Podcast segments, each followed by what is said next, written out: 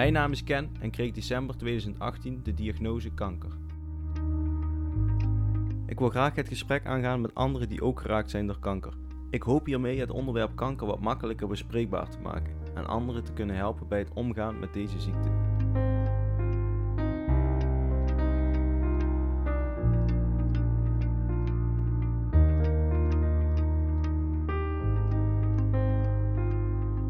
In deze vijfde aflevering ga ik dit doen met oncoloog Jes van der Wouw. Zij is werkzaam in het Vikerie Venlo Venray. Door in gesprek te gaan met een van de belangrijke personen in het hele traject, de oncoloog, hoop ik dat we een klein beetje een beeld krijgen van de werkzaamheden en de persoon achter de oncoloog. Welkom bij de vijfde aflevering van de podcast Kankerpraat. Vandaag gaan we luisteren naar het verhaal van Jes van der Wouw, oncoloog in het Vikerie Medisch Centrum Welkom Jes.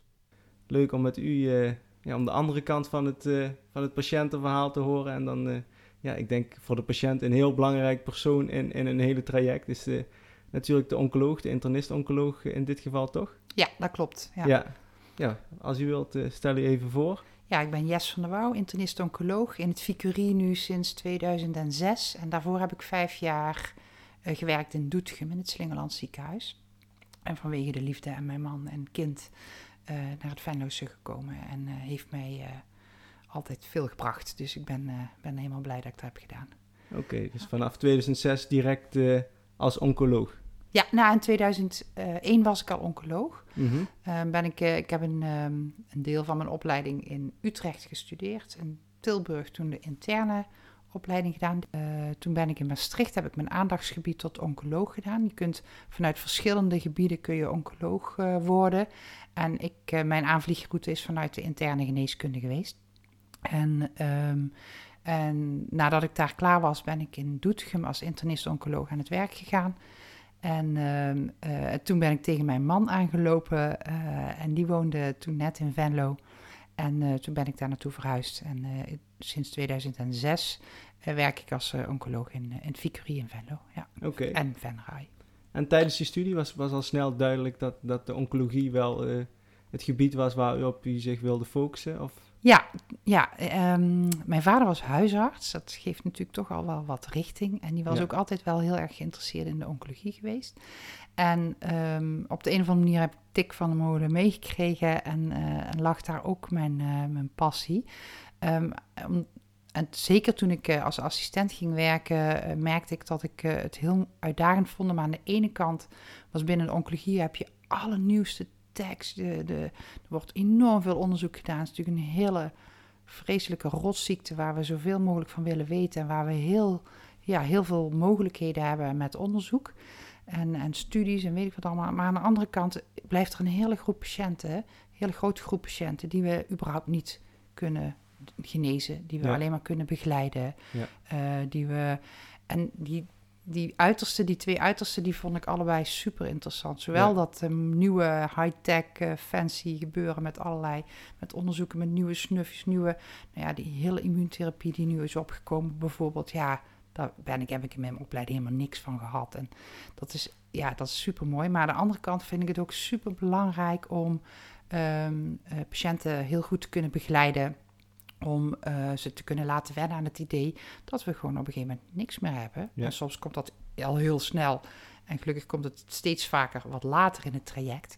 Maar om ook daar een stukje ja, berusting in te krijgen. Mensen daar acceptatie mee hebben dat ze goede keuzes maken op goede gronden van wat verwachtingspatronen zijn uh, voor mensen. En dat, dat vind ik, en dat vind ik eigenlijk nog steeds meer nog de uitdaging worden om dat goed te doen. Ja, ja. Ja mooi. Ja, ik kan, me, ik kan me ook voorstellen dat het beide voldoening geeft. Ja. Ook, hè, een goed nieuwsgesprek is natuurlijk heel fijn om te doen, lijkt me. Ja. Maar uh, ja, wetende dat je voor, voor die patiënt die in zijn ja, misschien wel de laatste fase zit, dat je daar uh, een belangrijke rol in kunt ja. spelen. Dat is natuurlijk ook heel waardevol. Ja, ik, ik noem het uh, wel eens uh, een goed slecht nieuwsgesprek is, is um, eigenlijk ja, het mooiste wat ik zelf kan ja. doen, vind ik. Ja. Mensen kunnen helpen handvaten te geven hoe verder, ondanks dat het uitzicht op overleven nul is, om daar toch goed mee verder te komen. Ja, dat, dat is heel mooi als je ziet dat dat werkt. Hoe bereid je je daarvoor op zo'n gesprek? Ja, um, nou ja, en het is altijd eh, meerdere facetten die je in zo'n gesprek moet doen. Je hebt een stukje technische uh, informatie. Je moet natuurlijk weten wat voor tumor het is en uh, wat de mogelijkheden zijn voor, voor te behandelen. En, en wat, wat nadelen zijn, hè, de voor- en nadelen van zo'n therapie en, en de prognose. Dus dat, dat stukje, ja goed, dan merk je dat dat is een stuk ervaring. En met de jaren gaat dat steeds makkelijker. Heb je daar ook steeds minder tijd voor nodig.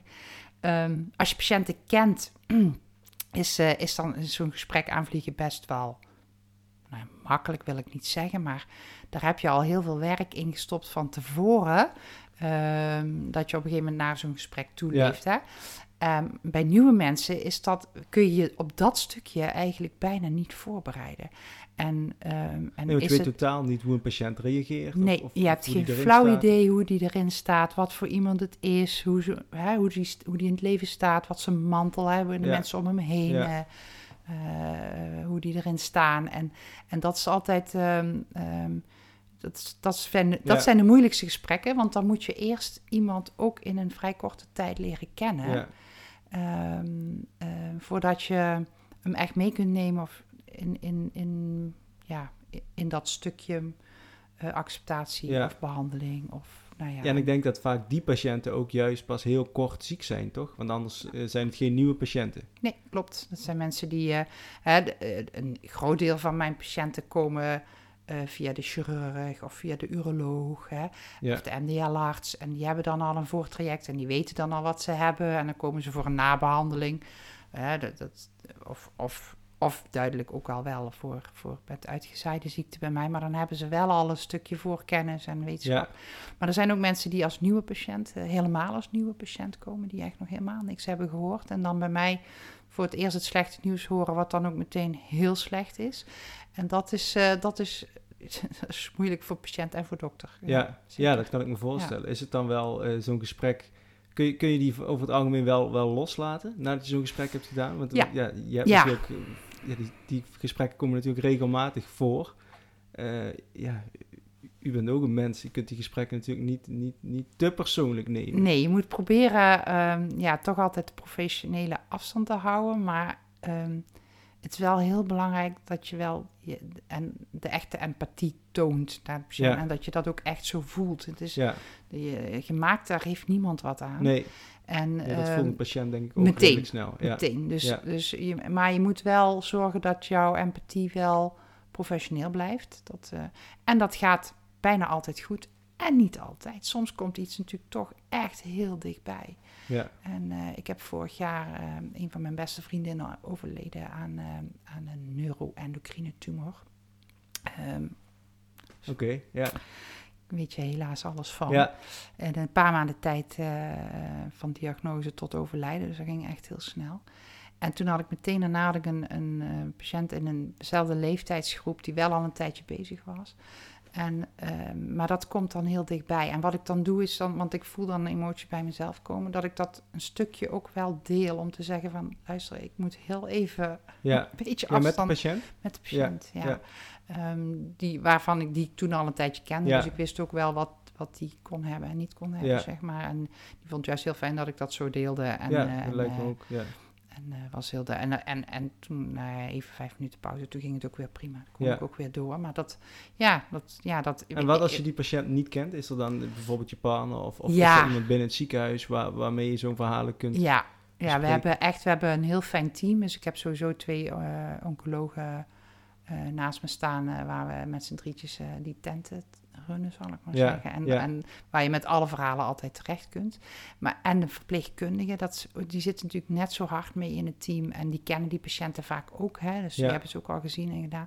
En, ehm, maar ook de secretaresse, weet je. Ook daar kun je even je ei kwijt van... Oh, en eh, dus dat is heel fijn. En ik heb thuis een super fijn luisterend oor... eh, wat, eh, waar ik ook altijd terecht Ja. kan als ik... Ja, heel belangrijk lijkt me, want ik heb me wel eens proberen voor te stellen. Ik heb natuurlijk ook wel, wel al wat artsen meegemaakt. En de ene, daar merk je gewoon, die, die is wat... eh, ja, die, die, die houdt van tevoren al die afstand. De ander doet dat wat minder.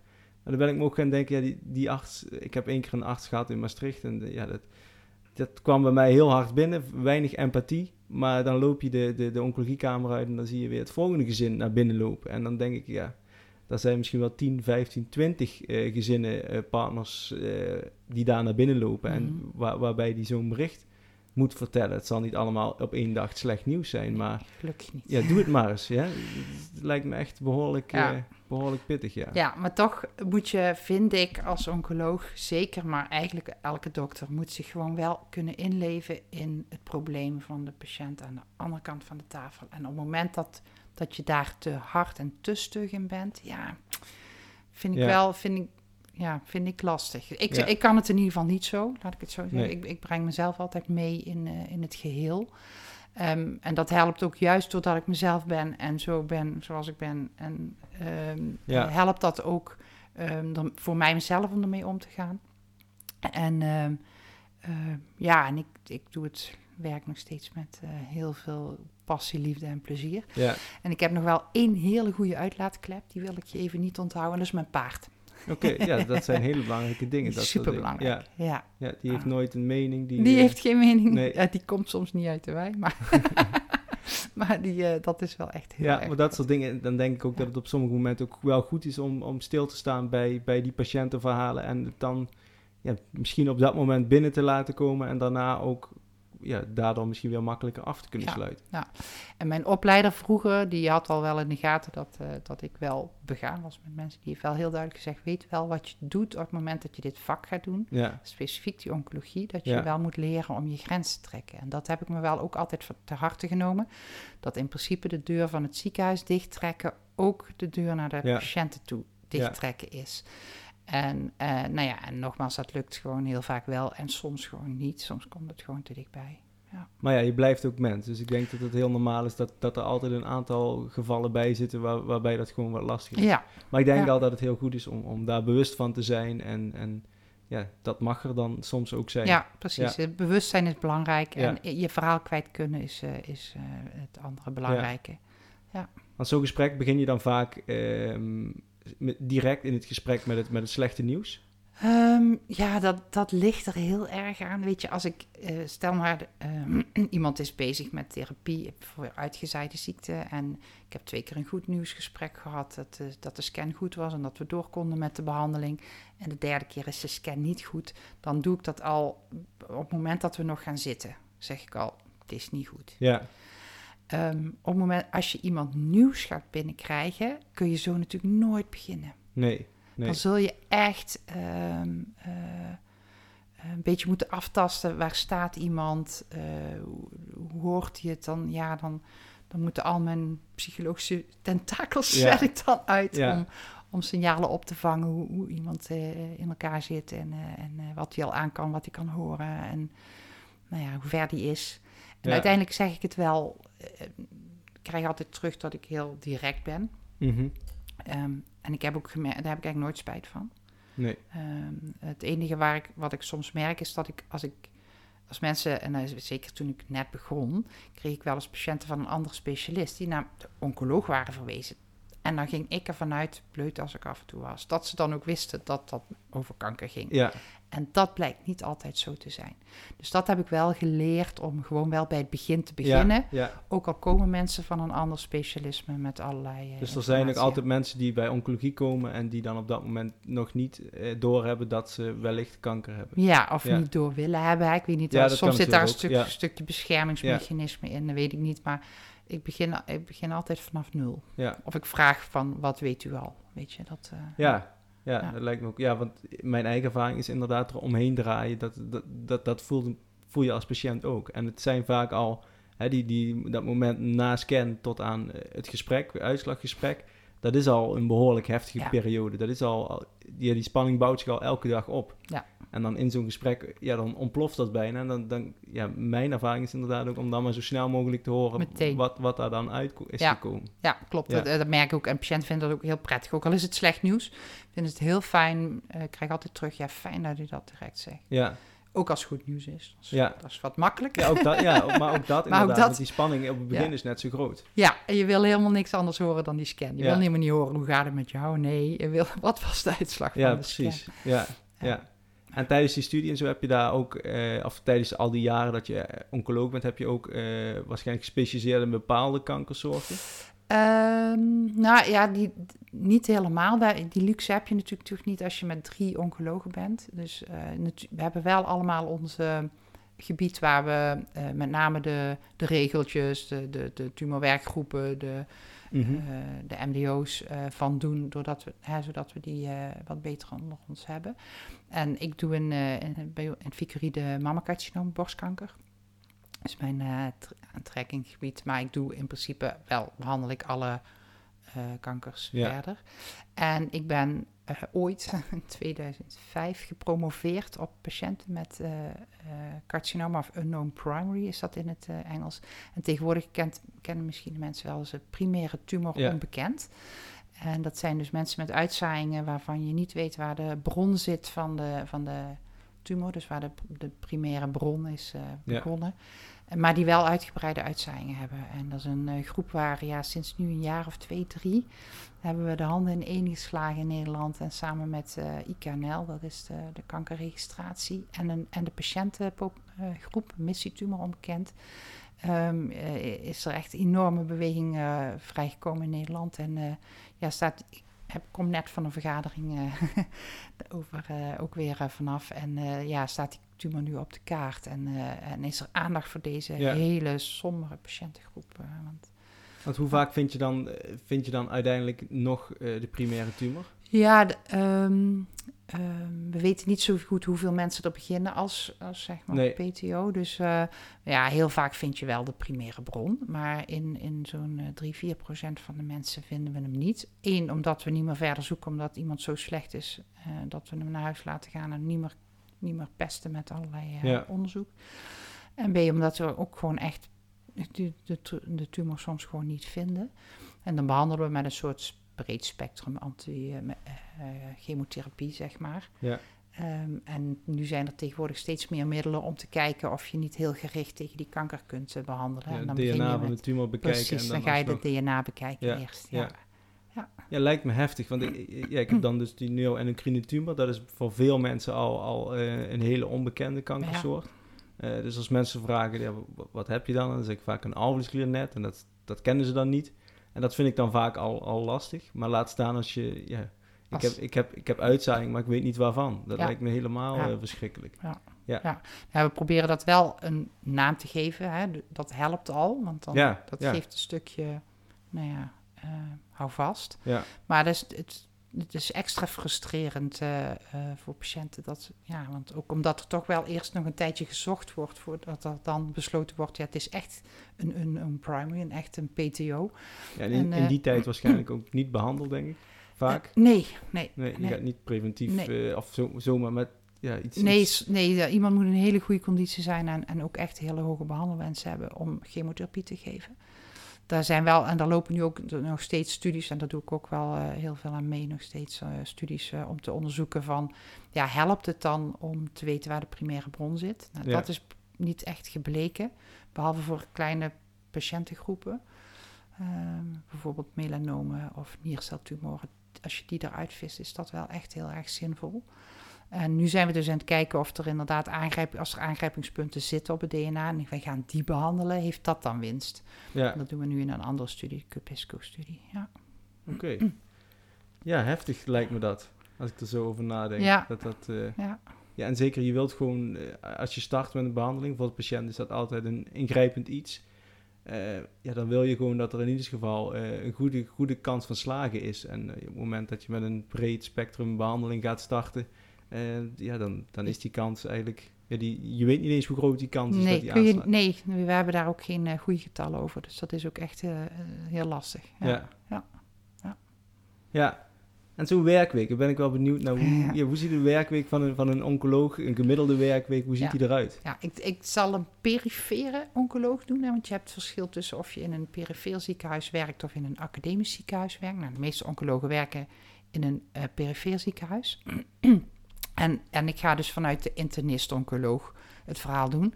Mhm. En dan zijn wij natuurlijk als internisten, doen we samen met alle andere internisten, uh, uh, zorgen we voor alle interne patiënten in het ziekenhuis. En, um, uh, en doen we ook de opleiding voor, tot specialist, tot de internist.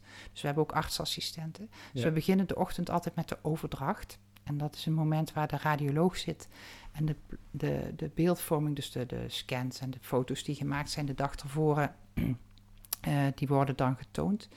En, ehm, en de artsassistent die dienst heeft gehad, vertelt ehm, welke patiënten er opgenomen zijn en wat er voor problemen zijn geweest met de mensen die hebben opgenomen gelegen eh, ja, voor die dag. Ja. Dus toen beginnen we altijd eh, de ochtend, eh, acht uur, kwart over acht. En daarna meestal een klein stukje onderwijs. En dan begint om negen uur de poli. Eh, meestal. En die heb Oh, je dus dan. dat gebeurt allemaal in een vrij kort... Ja, dan gaat allemaal, ja, dan gaat ja. in de kort, dat Ja. gaat tjak, tjak, tjak, tjak. Ja, ja. en, eh, ehm, en wat we proberen is dat we een aantal dingen zijn heel duidelijk. Weet je, als we iemand met een longontsteking opnemen, dan hebben we iemand met een longontsteking opgenomen, die heeft antibiotica gekregen en die ligt daar en daar. ja. Maar soms, soms weten we nog helemaal niet wat iemand heeft. En daar gaan we dan verder op in. En dan hebben we ook alle kennis van alle specialisten. Want je hebt wel, hè, ik ben dan oncoloog, maar je hebt een endocrinoloog en je hebt een nefroloog. Hè. Dus dat zijn mensen van de hormonen en mensen van de nieren. ja. Dus dan heb je alle kennis ook bij elkaar om daar meteen goed over na te denken. En dan, Dus dat- dan maak je ook al eh, het plan van we gaan dit scan, die, dat soort scans maken. We gaan Ja, dat is, maar dat is dus nog voor de algemene interne. Op het moment dat je de oncologie gaat dan eh, dus een poli doen. Hè, dus Ja. de- ik begin met mijn poli, die heb ik de avond van tevoren voorbereid. En, eh, en dan zie ik die patiënt en die- dan, nou ja, dat kent iedereen wel een beetje. Ja. Hè? Dat is eh, net als bij een huisarts, kom je binnen, je wordt eh, een gesprekje doen en dan ga je weer weg. Ja. Ehm, ik heb wel iets gesprek? meer tijd.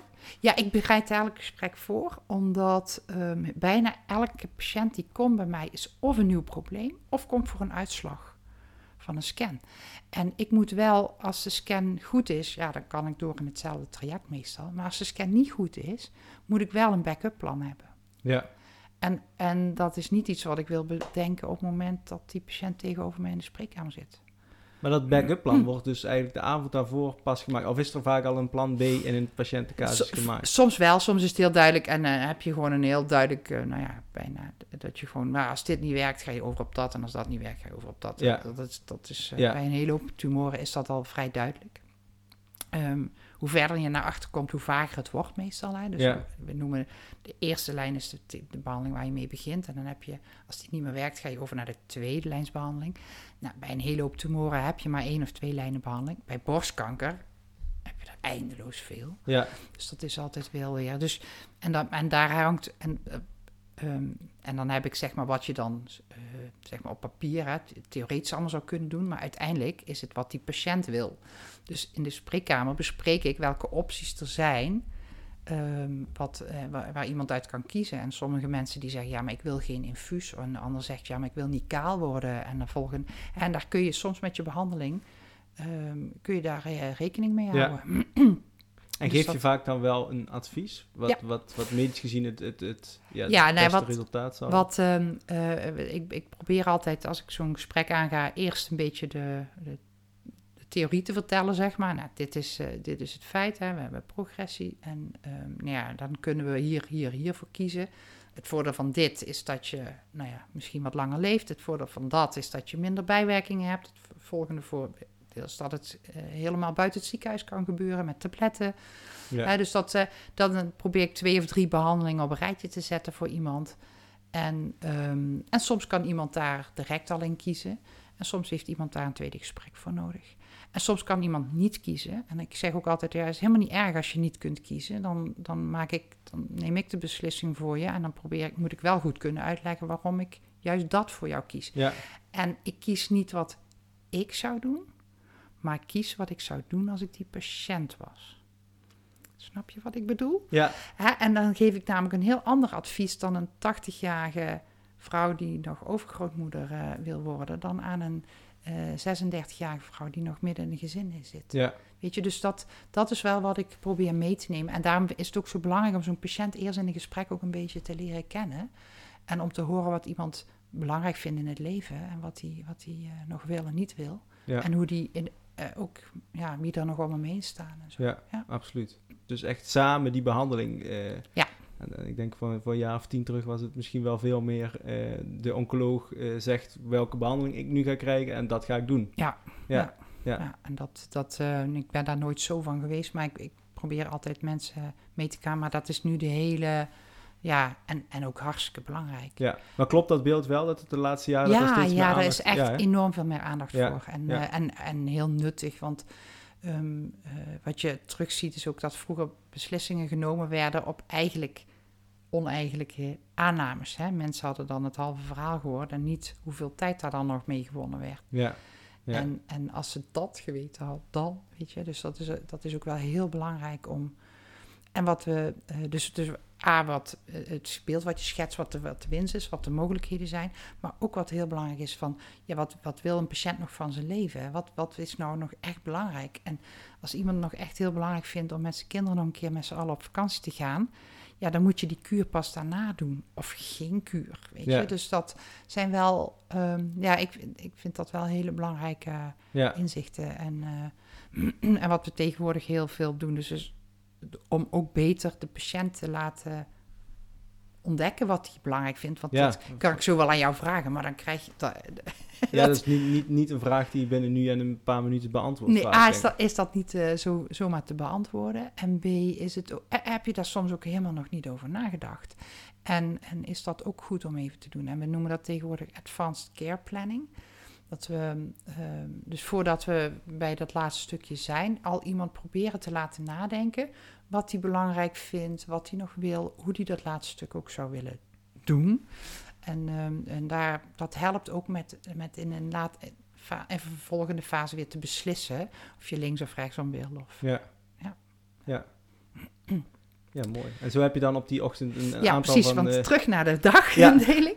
Dan ehm, tussen de middag hebben we eh, heel vaak een. sorry dat ik je onderbreek, maar aan hoeveel patiënten moet ik denken per ochtend? boah, ja, ik heb een kwartier voor een patiënt, dus dat is best wel netjes. Ehm, eh, gemiddeld genomen kom je daar redelijk mee uit. En ik heb drie kwartier voor een nieuwe patiënt.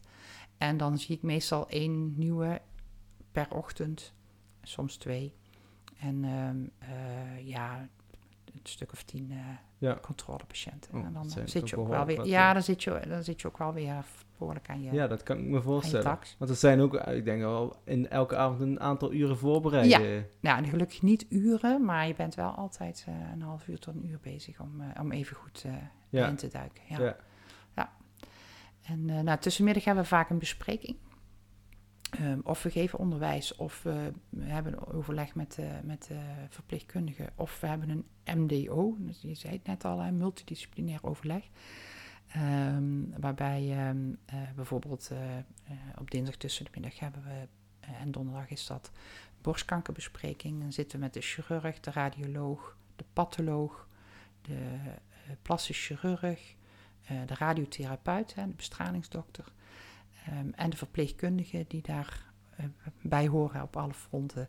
Eh, we bespreken we alle nieuwe eh, borstkankerpatiënten voor operatie. ehm, maar ook weer na operatie en soms ook nog tussen operatie in. Want dan, zijn we, dan behandelen we ze, een hele hoop patiënten behandelen we tegenwoordig voor de operatie met chemotherapie of hormoontherapie. En dan brengen we die ook altijd weer een keer terug op, de, Ja. op het MDO. Dus daar, worden, daar passeren heel wat patiënten de revue. eh, Ja. En bijvoorbeeld een scan van een patiënt, die, komt die ook in zo'n MDO? Mm, Ja, als, de, eh, ja, als daar ehm, eh, reden toe is, wel. Ehm, eh, alle nieuwe patiënten en scans daarvan, dus ook met, als ze bij ons met uitgezaaide ziekte komen. Ehm, maar het- ik bespreek niet elke patiënt die ik in een traject heb, waar het traject al duidelijk is, ga ik niet alle scans terugbrengen. Ehm, maar soms, ja, soms heb je, zit er een discrepantie. Dat is een verschil tussen dat ik het gevoel heb, ja, maar die patiënt doet het hartstikke goed. De tumormarker gaat omlaag. Hè, en je voelt zich goed, wordt eigenlijk iedere keer beter. En de scan laat, eh, die, die laat progressie zien. Hè, dus dat er groei is van de tumoren. Of, ja, dan eh, op zo'n moment, op het moment dat het dus ergens niet klopt... Hup, dan ga ik hem in een MDO bespreken Ja. waar die thuis hoort. En dus borstkanker in borstkanker MDO, eh, dikke darmkanker in het dikke darmkanker eh, MDO. We sluiten aan bij het alvleesklier eh, overleg van Maastricht. En we zitten in het, ehm, de maag- en het slokdarmtumoren in, eh, in Zuiderland worden besproken. Dus dan, en op dat moment wordt zo'n scan ook gereviseerd. En dan kijkt er nog een keer een andere radioloog naar en dat kan soms wel echt helpen. En, soms, die bekijkt hem dan op dat moment, tijdens, tijdens dat MDO? Nee, die, of- die bereiden altijd voor. Dus als, er- als er een MDO is, dan heb je daar voorbereidingstijd voor als radioloog en als patholoog. Om die, eh, omdat, ja, omdat het ook meteen Ja. een soort ja, second opinion is, Ja. zeg maar. En dat helpt. Dat, eh, dat, geeft, gewoon, eh, ja, dat geeft gewoon extra, ja, extra paar ogen wat ernaar gekeken Ja. heeft. Ja. Want, want u als oncoloog, kijkt u, eh, als een patiënt van u een, een scan heeft, bekijkt u die zelf ook nog heel eh, uitgebreid? Of Ja. is het echt varen op, op, wel, op, op wat, de, wat de radioloog daarover Nou, en, ehm, als internist-oncoloog ben ik, ehm, kijk ik, men, kijk ik kijk wel altijd naar de scans. Ik kijk ook vaak samen met de patiënten, laat ik de scan ook Ja. nog zien. Eh, maar mijn kennis schort daar wel. Daar, eh, ik, ben geen, eh, ik ben niet opgeleid om die plaatjes goed te beoordelen. Daar is de, hè, de radioloog heeft vijf jaar opleiding om dat te Ja. doen. Dus ik pretendeer niet... Ik, ik, ben, ik ben gewoon eh internist-oncoloog, dus ik vaar wel op de beeldvorming. Maar, maar daar gebruik ik dus inderdaad MDO's voor als ik denk, ja, ik, wat is dit, waar gaat dit nou over? Ja, Of ik loop gewoon even, ik steek schuin over, ik loop even bij de radioloog binnen, leg me uit, wat zie ik hier, wat is dit? Het- en dat, eh, dus dat, en dat is wel het fijne weer in een, in een wat kleiner ziekenhuis, Ja. dat je gewoon even binnen kunt lopen. De Ja, absoluut. lijnen zijn heel kort. En, eh, em, in de academie, toen ik eh, in Maastricht werkte, voor mijn opleiding, hadden we nog wel specifiek een, een, een scanbespreking. Waar alle, of waar je in ieder geval makkelijker ook je gewone scans op kon zetten. zonder dat dat dan in een MDO hoefde te zijn. Dus dan en daar kon je daar je lastige. zit ook een oncoloog dus zelf bij. Dat zijn Daar niet alleen radiologen die Nee, dat elkaar... is, nee, dat is een radioloog. Daar zat één radioloog bij. En dan zaten de oncologen van de afdeling zaten daar bij elkaar. Ja. En En dat- patiënten vinden die dat vaak wel fijn om, om ook die scan samen met die Ja, te bekijken? Ja, Ja. ja. Ja, ja, En het mooie is dat we tegenwoordig toch steeds meer digitaal doen. Hè, dus ook eh, videoconsult. Maar dat eh, onze apparatuur daar nu zo is op ingesteld dat, we, dat ik ook een scan kan delen met mijn scherm. Met Ja. de patiënt aan de andere kant. Ook al eh, zit hij niet tegenover mij. Ja. Dus dat is wel heel mooi. Ja, Ja, zo krijgt hij toch ook wel een klein beetje een idee van wat er, ja, wat, wat er echt speelt. Een, een beeld erbij. ja nee, Ja. zeker. En ehm, ja, voor sommigen is het dan toch weer, als ze het dan zien, te abstract. En Ja. sommigen die, die denken, oh ja, nee, maar nou snap ik wel Ja. eh, hoe het zit en waarom ik me zo voel. En eh, ja, En ook wel eens patiënten die dan, die dan pas, of pas, of die dan nog extra schrikken. Ja, Ja. ja, ja, Ja. ja, ja, en het kan ook echt heel confronterend zijn. Ja. En sommigen willen het ook echt niet zien, hè. Dus dat is ook prima. Ja. Dat eh, mag iedereen voor zichzelf beslissen. Ja. Dus het MDO zit erop en dan verder. Het de MDO, en dan begin ik weer met, eh meestal, eh, gelukkig heb ik maar één dag in de week dat ik dan nog een keer poli heb. Dus ik heb, op dinsdag heb ik s s'morgens en smiddags poli en tussendoor, dus dat MDO. En nou, ja, dan heb je weer poli en daarna heb je, nou ja, soms moet je naar de overdracht voor, omdat je dienst hebt. Ehm, heel vaak zijn er nog overlegmomenten, ehm, of met de vakgroep, of met, eh, met de verpleegkundige, of eh, een stukje onderwijs wat je nog geeft. En dan eh, probeer ik meestal, eh, vroeger moest ik om half zeven thuis zijn om voor, voor het kind van de crash te halen. Maar dat is gelukkig nu niet meer nodig en dan maak ik werk af. En meestal ben ik tussen half zeven en zeven uur klaar. Ja, en dan kan ik naar huis. Dus dat zijn eh, behoorlijk, behoorlijk lange dagen. Dat zijn goede werkdagen. Ja. Ja. Ja. En dan heb je dan nog wel eens weekenddienst of Ja. niet? Ja, we hebben, we zijn maar een half elf, dus wij, eh, dat valt gelukkig heel erg mee. Ja. eh. Maar dat zijn dan alleen de internist-oncologen? ja, dat zijn, nee, dat zijn, ehm, we, hebben, we, we doen met alle internisten doen we de dienst. Mhm. Dus niet alleen de oncologen, maar alle internisten hebben dienst. Dus daarom doe ik maar één keer in de twee, drie maanden een weekenddienst. Maar we hebben wel als oncoloog altijd, heeft er altijd iemand ook dienst, specifiek. Dus voor oncologische problemen is er altijd een, eh, een oncoloog die dienst heeft. Maar dan ben je achter, achterwacht. Je hebt een artsassistent die internist wil worden, die zit in het ziekenhuis. Je hebt een internist die heeft de dienst voor alles. Maar die heeft dan nog altijd vraagbaken achter zich. eh, Ja. Dus eh, als een nefroloog dienst heeft, dan kan hij altijd de endocrinoloog of de Ja, oncoloog of hematoloog nog bellen voor specifieke problemen. Want daar zijn we wel echt uit elkaar gegroeid, zeg maar. Zijn dat al- gaat dan vaak om, om eh, ja, te veel bijwerkingen. Of, Ja, het gaat eigenlijk altijd over bijwerkingen. Of, of over hoe ver ga je nog met zo'n patiënt. hè. Iemand die dan heel ziek binnenkomt en een uitgezaaide ziekte heeft, ga je daarmee nog naar de intensive care? Bijvoorbeeld. Doe je, is dat nog goed voor die patiënt? En, Ja. en, ehm, eh, en dan is het fijn om altijd even te overleggen met ons. Om te kijken, ja, maar zeggen, we zijn net begonnen met therapie. Dus ik, ja, natuurlijk gaan we daar nog mee Ja, naar precies. de IC. Ja. Of bij iemand anders, nee, dit is een hele slechte tumor. Die moet je, de, die Ja, moet die je heeft al een aantal behandelingen gehad. Precies, die en- moet je niet meer, eh, die moet je echt niet meer pesten met, Ja. eh, met naar de Ja. IC gaan. Ja. Ja, interessant om zo een beetje een beeld te krijgen Van de bij... andere kant, hè? Ja, precies. ja. Wat ik me dan afvraag is, dat je ziet dan zoveel eh, patiënten. ehm, je ziet hele goede eh, uitkomsten na behandeling. Je ziet ook slechte uitkomsten na behandeling.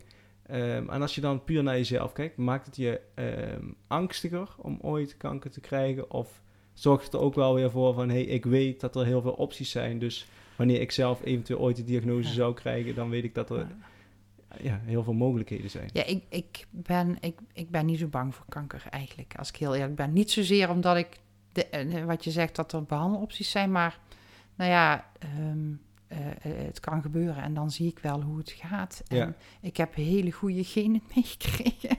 mijn vader is 89 geworden en mijn moeder die kruipt nog ongeveer op de grond rond, eh, op de 82ste nu. En dus ik... ik En ook geen en die, heeft, en die hebben allebei geen, geen kanker. Nee. En ook, ook in de directe, daar, hun ouders ook niet.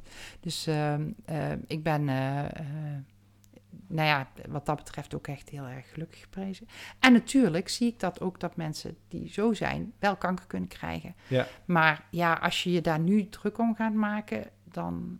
Nee, dat is ook zo. Ja, en dat, daar ben ik dan lekker gelukkig nuchter genoeg voor, denk ik dat ik dat gewoon los kan laten. Daar heb Ja. ik, ik heb gelukkig helemaal geen angst daarvoor. ja, Eh, gelukkig maar. ja, ja, Ja, dat, dat, ik dat weet niet of dat. natuurlijk nog een stukje zwaarder maken. Ja, ik denk dat, eh, dat ik, ik dat ik mezelf dan echt heel veel zwaarder zou maken, terwijl dat gewoon niet nodig is. Ja. Dus, eh, ja. En als er dan mensen in je omgeving ziek worden, familie, vrienden, ik kan me voorstellen dat die dan meteen denken van, oh, we gaan ja, u benaderen, want, Ja. want, je, weet er alles van. En, en- Ja, nee, dat, is, dat is ook zo. En ik vind dat, ik vind dat helemaal niet erg. Ehm, waarbij ik wel zeg, eh, luister, ik ben niet de dokter, hè. ik ben meer dan een sparringpartner. Ehm, en ik ga ook geen adviezen geven, maar dat ze gewoon, ja, ik kan als klankbord Ja. dienen dan. En, ehm, en dus dat is dan wel weer grappig. En zo heb ik dus de ervaring met de podcast al, want ik zit bij Lex en Suus, heb ik een heel klein stukje Oké, de, ah, de tumortapes toen. Ja, dat wist ik van tevoren natuurlijk ook niet, maar die belde Oh, toen. dat was het telefoontje. Ja, Ah, ja. Oh, misschien dat ik nu een klein beetje inderdaad stem, stem kan linken. kan herkennen. Ja, Maar ja. het was echt heel... Want ze zaten toen in Italië, volgens mij. oké. Dus toen, eh, ja. Ja. Maar zo kan, kan het natuurlijk ook voorkomen, hè? want eh, je woont en werkt in Venlo en Venray dan, dat er eh, een bekende eh, bij jou op de poli Ja. komt. Hoe, Ja. hoe ga je daar dan mee om? Ehm, ehm, nou, ik, ik besluit altijd eerst voor mezelf. Als ik... ik met de voorbereiding kun je, zie je die namen. Van, is dit... kan ik hier een goede dokter voor zijn? En als ik dat vind, dan ga ik mijn secretaresse laten bellen. Niet zelf, maar ga ik mijn secretaresse laten bellen... of die patiënt wel bij mij wil komen. Ja. Ehm, of dat hij het liever vindt om bij iemand anders te komen. Ja, Dat lijkt me goed om inderdaad, hè, want ik kan me voorstellen als u zelf belt, dat, dat het voor de patiënt ook lastig Die is. durft om- dan niet meer nee, Nee, te zeggen nee, bijna. precies. Dus, eh, of wel, weet ik niet. Maar in ieder geval, ik wil hem wel die ruimte geven om dat Ja. eh, om daar ruimte te laten kiezen. Ja, Ja.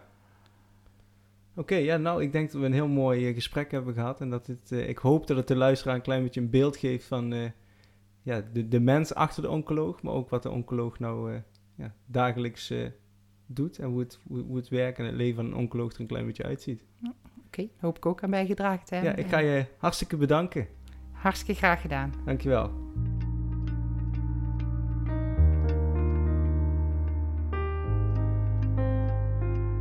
Voor mij als patiënt was het prettig om eens op een andere manier te praten met een oncoloog. Hopelijk heeft het jou als luisteraar ook een beter beeld gegeven van de werkzaamheden en de persoonlijke ervaringen van een oncoloog.